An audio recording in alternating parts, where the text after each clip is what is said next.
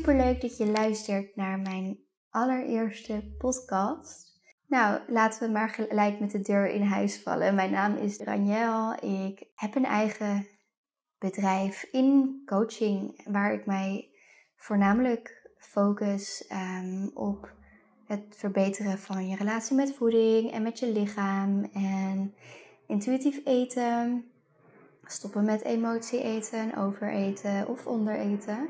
En alles wat daarmee te maken heeft. Dus deze podcast zal ook gaan over die onderwerpen. Maar ook daarnaast, of eigenlijk wat daar heel goed bij past, is mijn passie voor zelfontwikkeling, spiritualiteit, uh, zelfliefde en ja, alles wat daarbij komt kijken.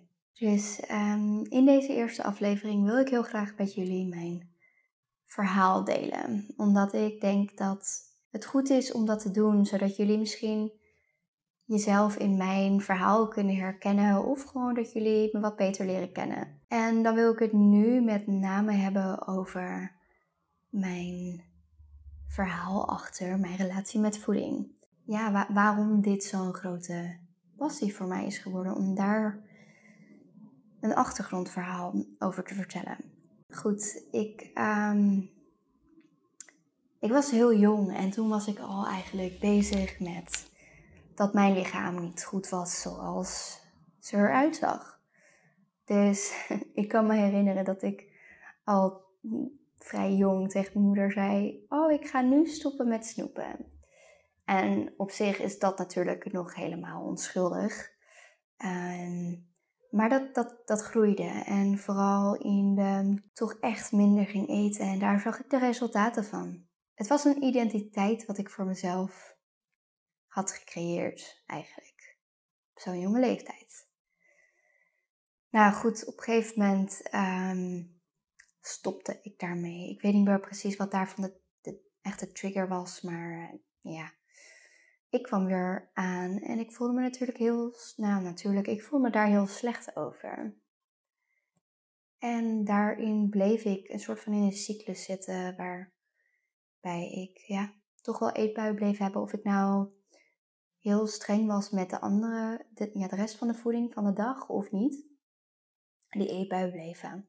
Ik heb heel lang eigenlijk ook gedacht dat dat normaal was, dat iedereen dat deed. Dus pas sinds misschien twee jaar werd ik bewust van het feit dat dit niet is wat gewoonlijk gebeurt. I digress. Dus um, nou ja, jaren gingen voorbij. Ik vond mijn lichaam niet mooi. Soms viel ik weer wat af en dan kwam ik het weer aan. En op een gegeven moment zat ik um, het MBO. Ik was 16 denk ik. En toen had ik een dieet gevonden.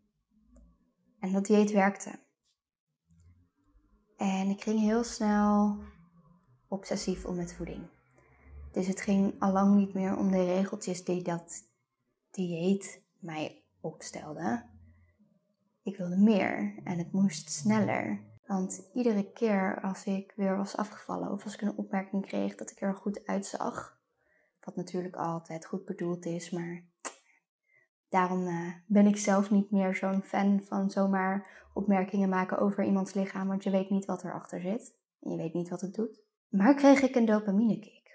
Want dat is wat er gebeurt. Je bereikt iets, je bent succesvol. Ja, hoe het dan ook komt, zeg maar dat dat het lukt. En het werd een verslaving, het werd steeds erger. En op een gegeven moment, na een tijdje, was het wel redelijk zo uit de hand gelopen dat ik gewoon niks meer at. En op het moment dat ik wel wat at, en maakte niet uit of het gezond was of ongezond, dan moest dat eruit. Maar het was niet dat ik zo ver weg was dat ik in het ziekenhuis belandde. Dus wat ik nog steeds te horen kreeg was dat ik er goed uitzag. Mensen wisten niet dat ik drie dagen niks at dan een appel en die appel moest er dan weer uit. Om vervolgens weer drie dagen niet te eten. Om vervolgens een keer een eetbui te krijgen. Want ja, je lichaam die is op. Maar ik kreeg wel complimenten. ik was toen inmiddels, dus we zijn weer even wat vooruit. Ik was 17 jaar. Nee, dit was hiervoor nog. Nou, op een gegeven moment werden die eetbuien erger. Dus ik um, ging met mijn moeder naar de dokter. En de dokter heeft me doorgestuurd naar een diëtist. diëtist gaf me een lijstje met alle dingen die ik zou moeten eten. Nou, al die dingen die de schrijf van 5 adviseert. Is niet per definitie niks mis met de schijf van 5. En op zich met het advies. Maar wel wetende dat ik door ben gestuurd met de verwijzing van, en de diagnose van bulimia nervosa. En als je dan als meisje die liever helemaal niks eet, een lijstje krijgt met alle dingen die ze moet eten, zonder verdere begeleiding of überhaupt iets over mijn probleem. En ja, natuurlijk was ik ook niet eerlijk over wat ik deed. Zat mijn moeder dan wel echt een soort van boos naar de diëtist te kijken? Heeft ze me achteraf verteld van, hallo, uh, dit kind heeft een eetstoornis. Maar dat werkte natuurlijk niet. Dus ik volgde dat plan ook helemaal niet. En de enige reden eigenlijk was ook uh, dat ik naar de dokter was gegaan, was omdat ik gek werd van die eetbuien. Niet omdat ik van eetstoornis af wilde. Het niet eten vond ik prima. Ja, het klinkt echt heel erg stom, maar dat was gewoon wat er in mijn hoofd omging. Dat is wat een eetstoornis met je doet. Dus, um, nou goed, de eetbuien werden erger. Op een gegeven moment probeerde ik dan wel weer normaler te eten, omdat ik ook wel begreep dat het natuurlijk een soort van, ja, je lichaam die gaat natuurlijk, in zekere zin kan het een eetbui opwakkeren, aanwakkeren, omdat je te weinig eet. Nou, dat begreep ik inmiddels, dus probeerde genoeg te eten op een dag. En nou, de eetbui ging door. En kijk, nu, inmiddels snap ik heel goed waardoor dat is. En heb ik heel goed geleerd om ook dat te helen. Maar hier hebben we het over jaren terug.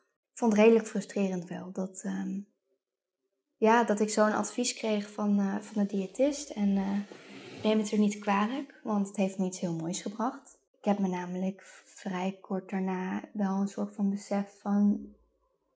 Ik wil niet dat er iemand is die zich zo ongehoord voelt bij een expert, dat ik zelf diëtist wil worden om dat te doen. Nou, dat is gelukt.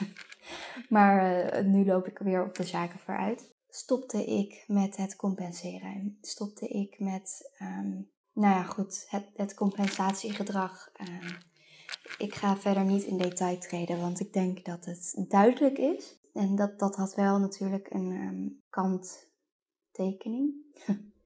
een keerzijde, keerzijde, een keerzijde. En dat was dat ik echt enorm veel aankwam in een korte tijd. Want de eetbui die bleef maar komen. En nogmaals, ik dacht dat dat normaal was. maar nu heb ik zoveel geleerd over mijn eigen relatie met voeding. Dat hoe ik het kan helen. En de personen, er zijn personen geweest die me daar heel veel over hebben kunnen leren. En dat ik er nu anderen mee mag helpen. En het is dus ook mijn grootste passie geworden, omdat ik weet hoe het is. Ik weet van beide kanten hoe het is. Ik weet hoe het is om in een eetstoornis te, te zitten waarbij je te weinig eet. Ik weet hoe het is om elke dag eetbuien te hebben, om je gewicht te zien stijgen zonder dat je het wilt, zonder dat je er een controle over lijkt te hebben. Ik weet hoe het is om die eeuwige diëten te volgen en je een failure te voelen op het moment dat het niet lukt. Ik weet het. En het probleem is dat ik niet de enige ben. Ik denk zelfs dat ik meer mensen ken die vooral vrouwen, die wel altijd kritiek hebben op hun lichaam, die altijd maar bezig zijn met afvallen, of ze nou overgewicht hebben of niet, dat is verder irrelevant.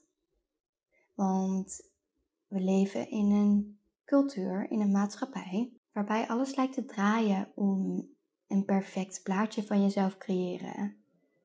Waarbij het normaal is om op dieet te zijn maar tegenstrijdig genoeg tegelijkertijd word je beoordeeld Als je niet een taartje neemt op je verjaardag. Als je eten laat liggen op je bord. er is zoveel aan de hand. En daarom is mijn passie zo sterk. Wil ik anderen zo graag helpen. Door de dieetmentaliteit te doorbreken. Een fijne relatie met voeding te creëren.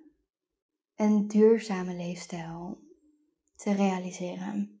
Voor altijd af van de diëten. en verder misschien gewoon wat leuke weetjes. Ik ben groot fan van lezen. Vooral zelfontwikkeling, maar ook echt wel Harry Potter. ik woon in Uithoren samen met de persoon die mij heeft laten stoppen met compenseren.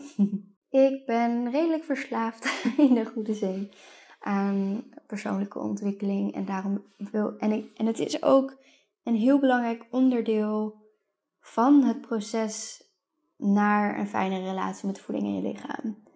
Dus daarom wil ik het ook daar veel over hebben. En ja, ik denk dat dat mijn verhaal is, mijn successtory eigenlijk is. Waarbij ik vrede heb gekregen met voeding. Waarbij ik mijn emoties kan reguleren in plaats van dat ik ze wegeet. waarbij ik opsta tegen diet culture. En waarbij ik de privilege heb dat ik nu andere vrouwen of mannen mag helpen met dit allemaal. En daar ben ik zo dankbaar voor. En daarom ben ik ook zo zelfzeker over dit onderwerp. Want ik weet niet alleen de theorie daarachter, ik weet ook hoe het voelt. En daarom denk ik dat ik mensen die hier ook mee struggelen heel goed kan helpen. en dat was eigenlijk mijn voedingsverhaal in een notendop. Er zitten natuurlijk nog veel meer takken aan waar ik het nu nog niet over heb gehad. Maar dit is, denk, ja, dit is wel de kern. En dit is denk ik ook wel het belangrijkste voor nu om te weten en te begrijpen. En heel erg bedankt voor het luisteren. Ik hoop dat je er wat aan hebt of dat je hier een zekere herkenning in kan vinden. Tenminste, ik hoop het eigenlijk niet. en als het wel zo is, weet dat iedereen hiervan kan helen. Iedereen. En als je daar hulp nodig bij hebt, voel je welkom. Je kunt naar mijn website gaan of naar mijn Instagram. Ik zal het in de beschrijving zetten. Het is Ranjel Daniek. Ik wens je een hele fijne dag.